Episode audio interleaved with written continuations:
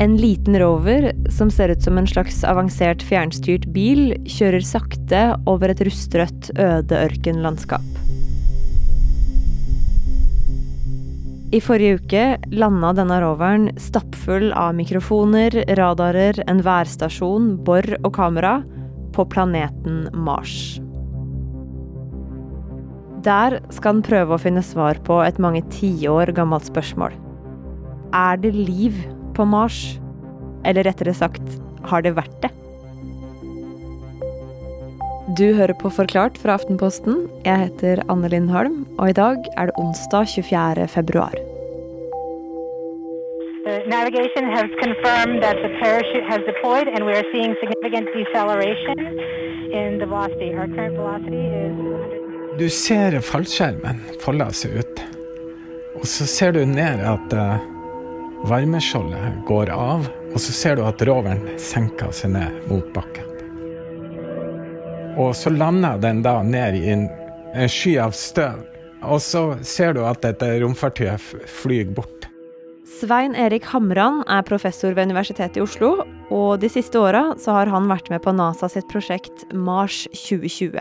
Touchdown confirmed. Perseverance safely on the surface of Mars, ready to begin seeking the sands of past life. Vi har landa på ei, ei slette, og så hvis vi ser litt rundt oss, så er det en del steiner og ulendt terreng. Det er noen sanddyner, og i det fjerne så ser vi da dette elvedeltaet. Og litt lenger bort så ser vi i horisonten ser vi krater, kraterkanten som virker som et fjell i det fjerne. I over 40 år nå så har det amerikanske romfartsbyrået NASA prøvd å finne ut av om det er liv på andre planeter. Og bøker, filmer og låter har vært fulle av spørsmålet like lenge. Som filmen ET, serien Star Wars eller i David Bowie sin låt fra 1971.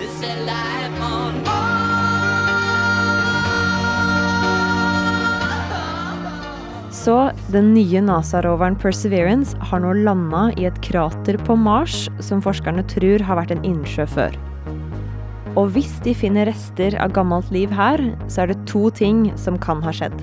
Enten kommer dette livet fra jorda ved at, ja, at det er reist dit på en stein, eller så er det danna på Mars. Og hvis det er laga liv to plasser i solsystemet, så er det jo ingenting som tilsier at det ikke kan være liv på mange planeter i universet. Så det er egentlig det fundamentale spørsmålet om vi er alene eller ikke. I seks år så har han og et team på opptil 30 mennesker jobba med å utvikle rimfaks, en georadar som er festa bak på roveren. En georadar ser ned i bakken ved hjelp av radiobølger, og kan da lage avbildning av de strukturene som finnes i bakken.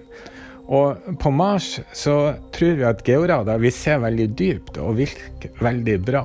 I hvert fall 10, kanskje 50, og hvis vi er heldige så kan vi se ned i 100 meter i bakken. da. Og hva er det man håper Rimfax skal finne, da? Det er egentlig to ting vi ser etter med rimfags. Det ene er generell å studere geologien i landingsområdet. Å forstå hvordan geologien er danna, er veldig viktig. Og det er veldig viktig da man senere skal lete etter liv, å vite hvor i de ulike geologiske lagene man skal lete etter liv, og ta de her prøvene som skal returneres til jorda. I tillegg så ønsker vi i rimfagsteamet å se på mulighetene for å se om det er is eller vann i bakken. De modellene som er per i dag, tilsier at isen og vannet har fordampa ut. Men helt nye beregninger mener at det kan være is i landingsområdet, som er grunn nok til at Rimfax kan se det. Men NASA, ESA, Roskosmos og de andre romfartsbyråene som skyter og tester med offentlige penger, de har ikke lenger monopol på å være i verdensrommet.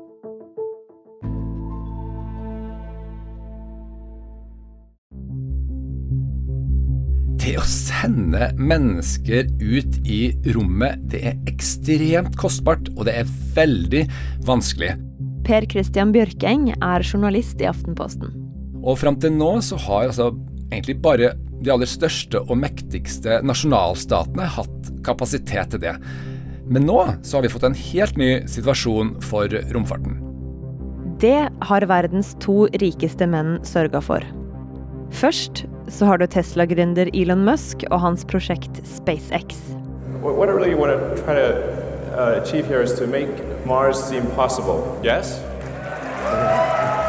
Elon Musk vil til Mars, og han vil ikke bare det, men han vil etablere en koloni der. Og det vil han gjøre i vår levetid. Og du har Jeff Bezos sitt selskap Blue Origin. The Earth is finite, and if the world economy and population is to keep expanding, space is the only way to go. Altså Løsninga for Jeff Bezos det er jo ikke å sende menneskeheten til Mars. Han skal i stedet lage noen enorme romstasjoner med plass til én million mennesker i hver. Ok, så først den litt kraftige, glattbarberte elbilkongen i skinnjakke. Elon Musk han beskriver jo at han ser for seg to alternativer for utfallet for menneskeheten som art. Og Det ene er at vi forblir på jorda. Og da vil altså arten før eller siden bli mest sannsynlig utrydda av en eller annen ukjent katastrofe som vi ikke kjenner til i dag. ikke sant? Alternativ to det er jo at menneskeheten blir multiplanetarisk, som jeg sier, og altså da overlever veldig, veldig mye lengre. Og det siste, det er jo best, det vil sikkert mange være enig i, men altså, da må vi jo ha et ekstra sted å være. Og uh, Mar, uh, Musk han mener jo at da det eneste realistiske alternativet, det er Mars. For Mars har atmosfære, og den har et døgn som er nesten like langt som det vi har her på jorda. Uh, men altså for å få til det, så må vi da, da gå fra utforskning, som vi har gjort til nå, med roboter og sånne sonder og sånn som vi har sendt, og så må vi over til kolonisering.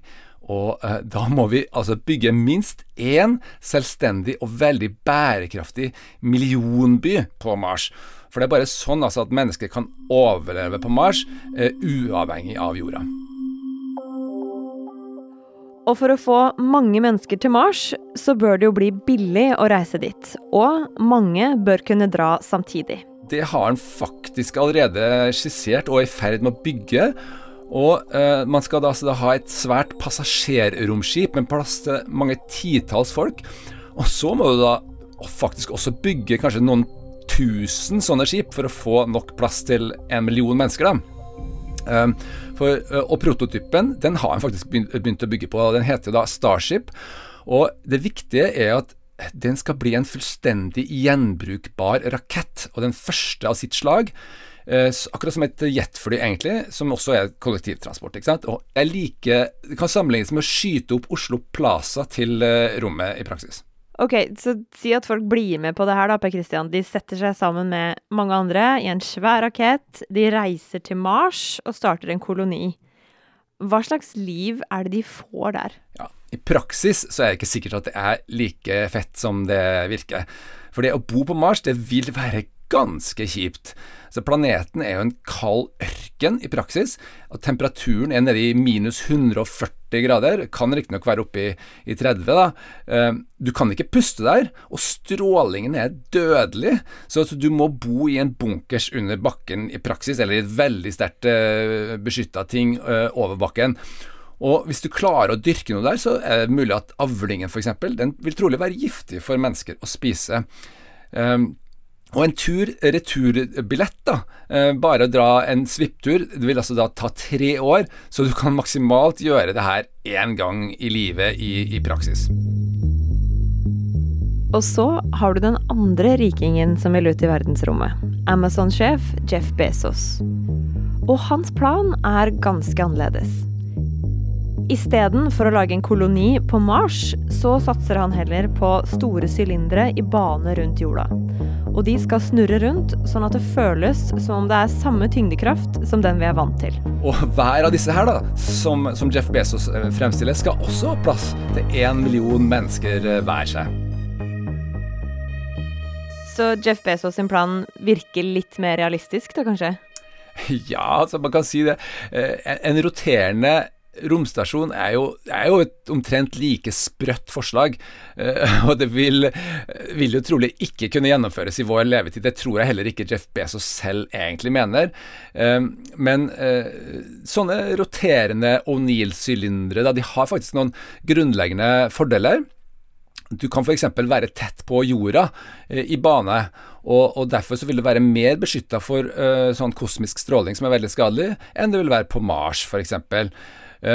Og uh, du kan ha samme gravitasjon som på jorda, og det er jeg jo ganske sikker på at det er viktig for uh, menneskenes helse, da. Og ikke minst så kan du ha helt perfekt klima hele livet. Uh, og i, i, teorien så kan man jo faktisk bygge da, et sånt paradis som du kan reise på ferie til, uh, hvis du vil det. da. Uh, men likevel så må man jo vite her at kostnaden ved å bygge sånne sylindere den vil jo være så enorm at det er nesten umulig å, å forestille seg det.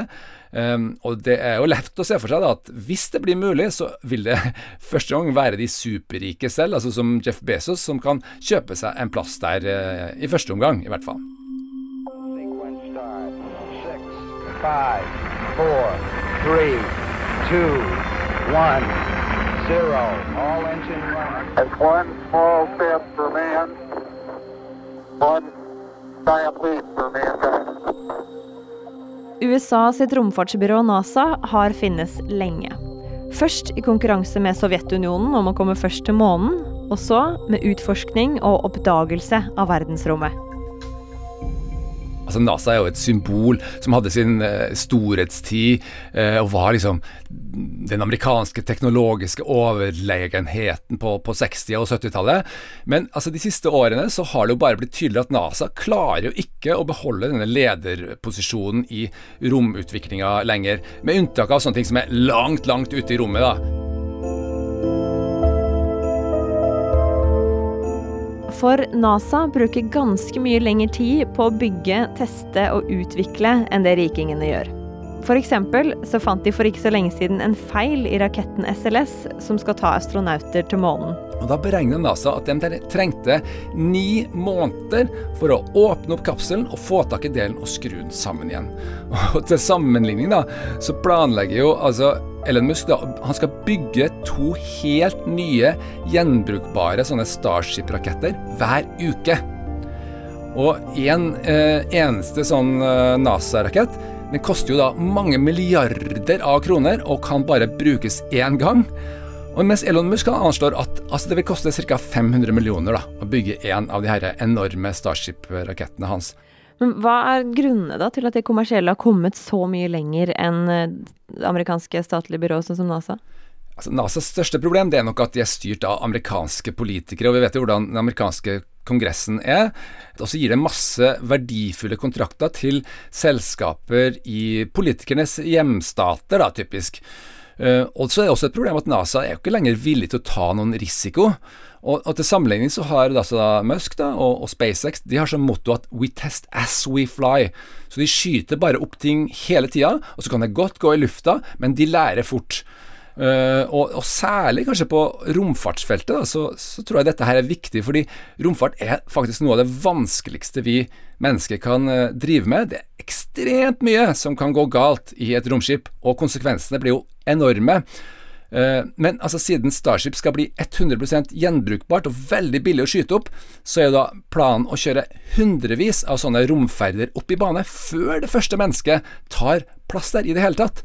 Og Dermed altså, så blir det faktisk i teorien mindre risiko hvis du setter deg inn i, i um, Elon Musk sitt Starship, da, enn om du setter deg i eh, NASA sitt eh, SLS. Så du har Elon Musk som prøver å selge billetter til Mars, men det virker ganske kjipt å bo der. Og du har en roterende romstasjon, men vi kan kanskje ikke bo der i vår levetid. Og så har du NASA som bruker veldig lang tid på å få gjort ting.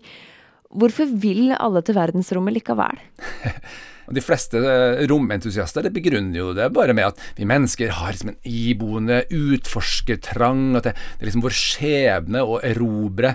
ikke sant?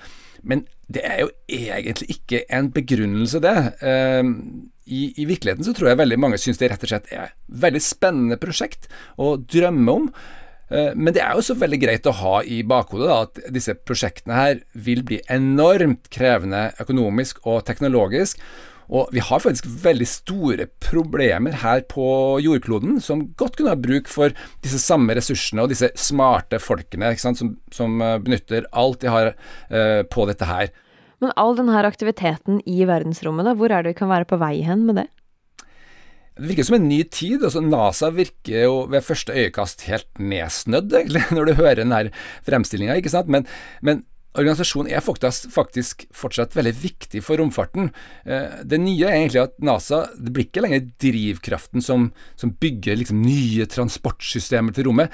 Det blir bare egentlig en av flere som kjøper billett på de rikes private romskip. ikke sant? Og Sånn sett så virker det som at egentlig romfart bare går samme vei som andre transportmidler. Det, det, er jo sånn at det er det private markedet som tar seg av både utvikling og eierskap til transportmidlene på jorda ikke sant? og i lufta. Og Staten kjøper jo bare billetter når det trengs, og det går jo helt fint. Og så må staten fortsatt finansiere ting som faktisk ingen andre vil betale for, som f.eks. For forskning på overflaten av Mars. Men ifølge UiO-professor Svein Erik Hamran så er det heller ikke sikkert at pengene som brukes til å utvikle teknologi for å reise ut i verdensrommet, er bortkasta likevel. NASA brukte jo veldig mye ressurser og penger på månelandinga, men de fikk jo tilbake i bøtta og spann etterpå. Ved at de hadde utvikla masse teknologi som ble brukt i årevis etterpå. Så de fikk jo igjen den investeringa mange ganger. Og det som nå bygges til Mars, det er jo lærer man seg jo nye pusher teknologien og nye metoder som utvikles, som igjen kommer til nytte på andre områder.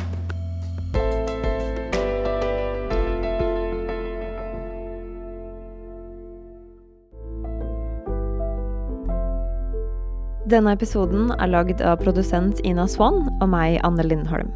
Resten av Forklart er Caroline Fossland, Marit Eriksdatter Gjelland og David Vekoni. Du hørte lyd fra NASA, SpaceX, Blue Origin, Lucasfilm, Sony Music og Universal Pictures.